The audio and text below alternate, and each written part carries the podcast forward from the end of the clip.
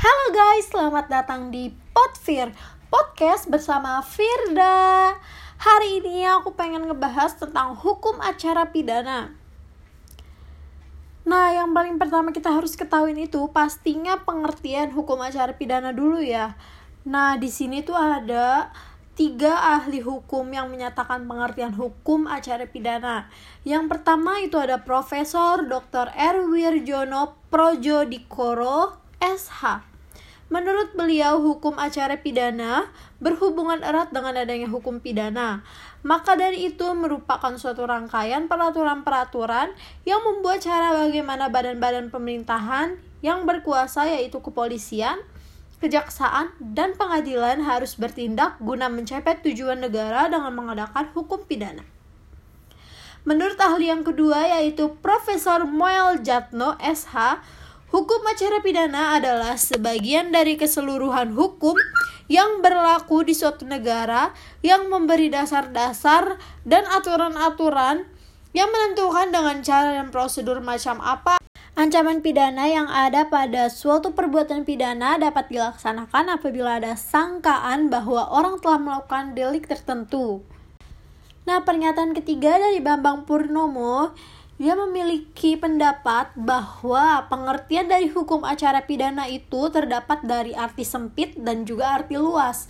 Menurut beliau, arti sempit dari hukum acara pidana adalah mengatur ketentuan tentang tata cara suatu proses perkara, mengatur hak dan kewajiban bagi mereka yang bersangkut paut dalam proses perkara, serta mengatur pelaksanaan peradilan menurut undang-undang. Menurut beliau, arti luas dari hukum acara pidana yaitu mengatur hak acara pidana dalam arti sempit dan susunan serta kekuasaan kehakiman yang ditetapkan dengan undang-undang. Nah, setelah kita mengetahui apa itu pengertian dari hukum acara pidana, pasti kita juga memerlukan mengetahui apa sih tujuan acara pidana Nah, tujuan dari hukum acara pidana itu yang pertama untuk mencari dan mendapatkan kebenaran material, yaitu kebenaran yang selengkap-lengkapnya dari suatu perkara pidana dengan menerapkan ketentuan acara pidana secara jujur dan tepat sehingga diperoleh pelaku yang dapat didakwa melakukan sesuatu pelanggaran hukum pidana.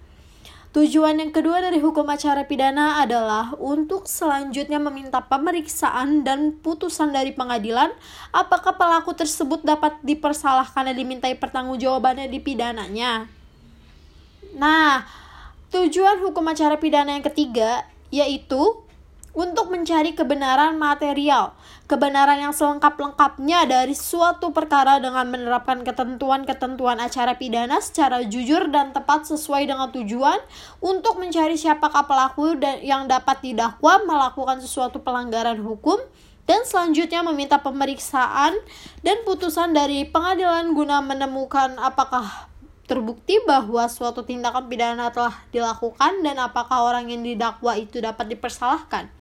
Nah, setelah kita mengetahui pengertian dan juga tujuan hukum acara pidana, pasti kita juga penasaran kan dari mana sih sumber hukum acara pidana itu? Nah, sumber hukum acara pidana itu berasal dari yang pertama Undang-Undang Dasar 1945 pada pasal 24 dan 25. Yang kedua berasal dari Undang-Undang Nomor 8 Tahun 1981 tentang KUHP merupakan ketentuan umum yang berlaku dalam setiap pemeriksaan perkara pidana. Tetapi KUHP bukan satu-satunya sumber hukum acara pidana.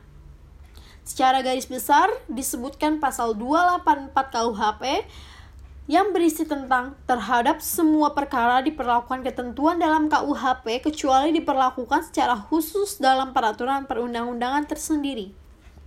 Nah, selanjutnya itu kita akan membahas tentang tahap-tahap hukum acara pidana. Saya akan menjelaskan ini secara singkat saja supaya setidaknya kalian mungkin bisa paham mungkin secara singkat saya jelaskan. Jadi tahap-tahap hukum acara pidana itu yang pertama tahap penyidikan, yang kedua penuntutan, yang ketiga, pemeriksaan sidang pengadilan dan yang keempat, pelaksanaan putusan hakim. Nah, apakah penyelidikan itu? Apa sih penyelidikan itu? Nah, penyelidikan itu adalah serangkaian tindakan penyidik untuk mencari dan menemukan sesuatu keadaan atau peristiwa yang diduga sebagai tindak pidana guna menemukan dapat atau setidaknya dilakukan penyidikan. Nah, penyelidikan itu diatur pada pasal 5, 975, 192 sampai 105, 100, 111 KUHP maksud saya. Nah, setelah kalian mengetahui apa arti penyelidikan itu, pasti kalian juga bertanya-tanya kan, siapa sih penyelidikan itu? Siapa sih penyidik itu? Nah, jadi penyidik itu biasanya setiap anggota polisi sebagai penyelidik paling rendah ajudan Inspektur Polisi 2 atau AIPDA juga dapat dilakukan oleh pejabat tertentu untuk melakukan penyelidikan hal atau perkara tertentu. Misalnya, yang biasa dilaku yang biasa dilakukan oleh pejabat tertentu untuk melakukan penyelidikan atau perkara tertentu itu misalnya dalam mengurus PPATK atau Pusat Pelaporan dan Analisis Transaksi Keuangan ataupun juga biasanya atas anggota Komnas HAM dalam melaporkan adanya orang hilang atau KPK untuk kasus TPK. Setelah kita tahu apa itu penyelidikan dan penyidik, pasti kita juga bingung kan apa aja sih objek dari penyelidikan itu. Nah, objek dari penyelidikan itu ada yang pertama orang, yang kedua benda atau barang, yang ketiga tempat. Nah, caranya itu ada dua cara. Yang pertama itu ada cara terbuka dan juga cara tertutup. Cara terbuka itu maksudnya sepanjang hal itu dapat menghasilkan keterangan-keterangan diperlukan. Nah, kalau cara tertutup itu apabila kesulitan untuk mendapatkannya. Nah, syarat penyelidikan cara tertutup itu apa sih? Syaratnya itu yang pertama, petugas yang melakukan dalam upaya dan usahanya harus menghindari tindakan-tindakan yang bertentangan dengan ketentuan-ketentuan hak dan peraturan perundang-undangan yang berlaku. Syarat yang kedua, penyelidikan secara tertutup adalah petugas yang melakukan harus mampu menguasai teknik-teknik yang diperlukan berupa interview, observasi, surveillance, dan undercover. Nah, tata cara penyelidikan tuh gimana sih? Nah, di sini saya akan menjelaskan secara singkat saja ya. Yang pertama itu cara penyelidikan itu menunjukkan tanda pengenal. Yang kedua mengetahui menerima laporan atau pengaduan terjadinya peristiwa yang patut diduga sebagai tindak pidana segera melakukan tindakan penyelidikan yang diperlukan. Yang ketiga, tahap terhadap tindakan tersebut, penyidik wajib membuat berita acara dan melaporkan kepada penyidik sedaerah hukum. Yang keempat, koordinasi yang diawasi dan diberi petunjuk oleh penyidik. Nah, sejak kapan sih status penyelidikan berubah menjadi penyidikan? Status penyelidikan berubah menjadi penyidikan itu apabila hasil penyelidikan yang dilakukan polisi ditemukan bukti atau petunjuk yang kuat telah terjadi perbuatan pidana atau tindak pidana. Nah, apa sih di sini yang dimaksud dengan penyidikan? Penyidikan itu serangkaian tindakan penyidik dalam hal dan menurut cara yang diatur dalam undang-undang untuk mencari serta mengumpulkan bukti yang dengan bukti itu membuat terang tentang tindak pidana yang terjadi guna menemukan tersangkanya. Nah, bagaimana sih cara penyidikan itu? Cara penyidikan itu biasanya dilakukan dalam dua tahap. Dan itu semua sudah diatur oleh KUHP pasal 106 sampai 136. Nah, cara tata cara penyidikan itu yang pertama dilakukan segera setelah laporan atau pengaduan adanya tindak pidana, atau cara yang kedua yaitu penyidikan oleh PPNS diberi petunjuk oleh penyidik Polri.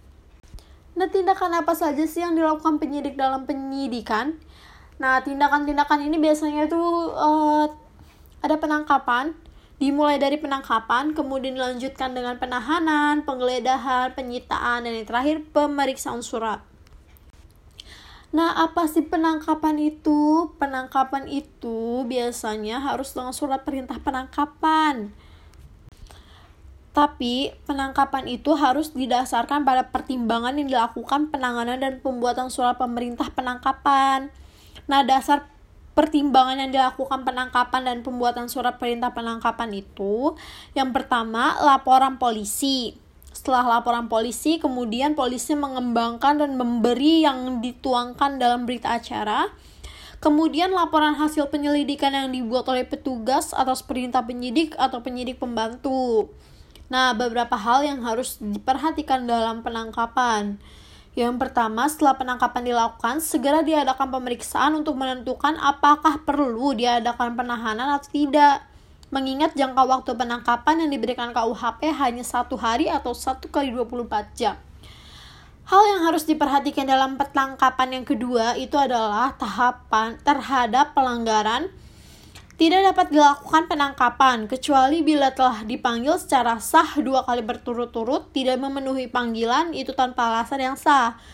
Nah, Hal yang harus kita perhatikan yang ketiga dalam penangkapan itu adalah segera setelah dilakukan penangkapan supaya diberikan satu lembar tembusan surat pemerintah penangkapan kepada tersangka dan satu lembar kepada keluarga.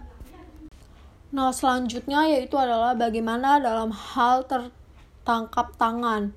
Siapa saja sih yang berhak menangkap tanpa surat pemerintah dan harus segera menyerahkan tertangkap tangan beserta barang bukti kepada penyidik atau penyidik pembantu Nah, selanjutnya apakah itu yang dimaksud dengan tertangkap tangan itu?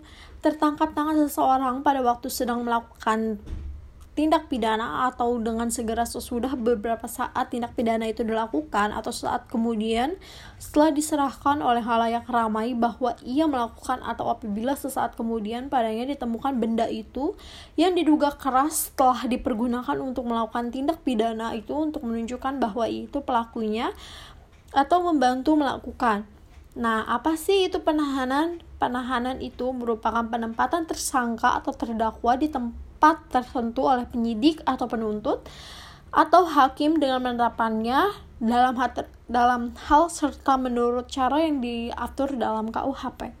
Di sini ada tiga jenis penahanan. Yang pertama penahanan rumah tahanan negara, yang kedua penahanan rumah, dan yang ketiga penahanan kota. Nah, langkah selanjutnya adalah penggeledahan. Apa sih penggeledahan itu? Penggeledahan hanya diberikan kepada penyidik. Objek penggeledahan itu biasanya seputar rumah, pakaian, ataupun badan. Nah, apa saja sih syarat-syarat penggeledahan? Tentunya yang pertama itu ada surat izin dari ketua PN dan disaksikan dua saksi dari lingkungan yang bersangkutan dan juga disaksikan oleh kades atau ketua lingkungan jika tersangka atau penghuni rumah menolak. Nah, yang selanjutnya itu ada penyitaan. Apa sih yang dimaksud dengan penyitaan? Penyitaan itu merupakan serangkaian tindakan penyidik untuk mengambil alih atau menyimpan di bawah penguasaan benda bergerak atau tidak bergerak, berwujud atau tidak berwujud, untuk kepentingan pembuktian dalam penyelidikan, penuntutan, dan peradilan. Nah, gimana sih kalau benda yang disita itu bersifat terlarang? Jadi kalau benda yang disita itu bersifat terlarang, biasanya benda itu akan dilarang untuk diedarkan dan dirampas untuk dipergunakan lagi bagi kepentingan negara atau juga bisa jadi dimusnahkan. Nah, segitu dulu pembahasan dari saya dari Podfir atau podcast dari Firda. Thank you guys, semoga apa yang saya sampaikan bermanfaat. Enjoy your life. Thank you.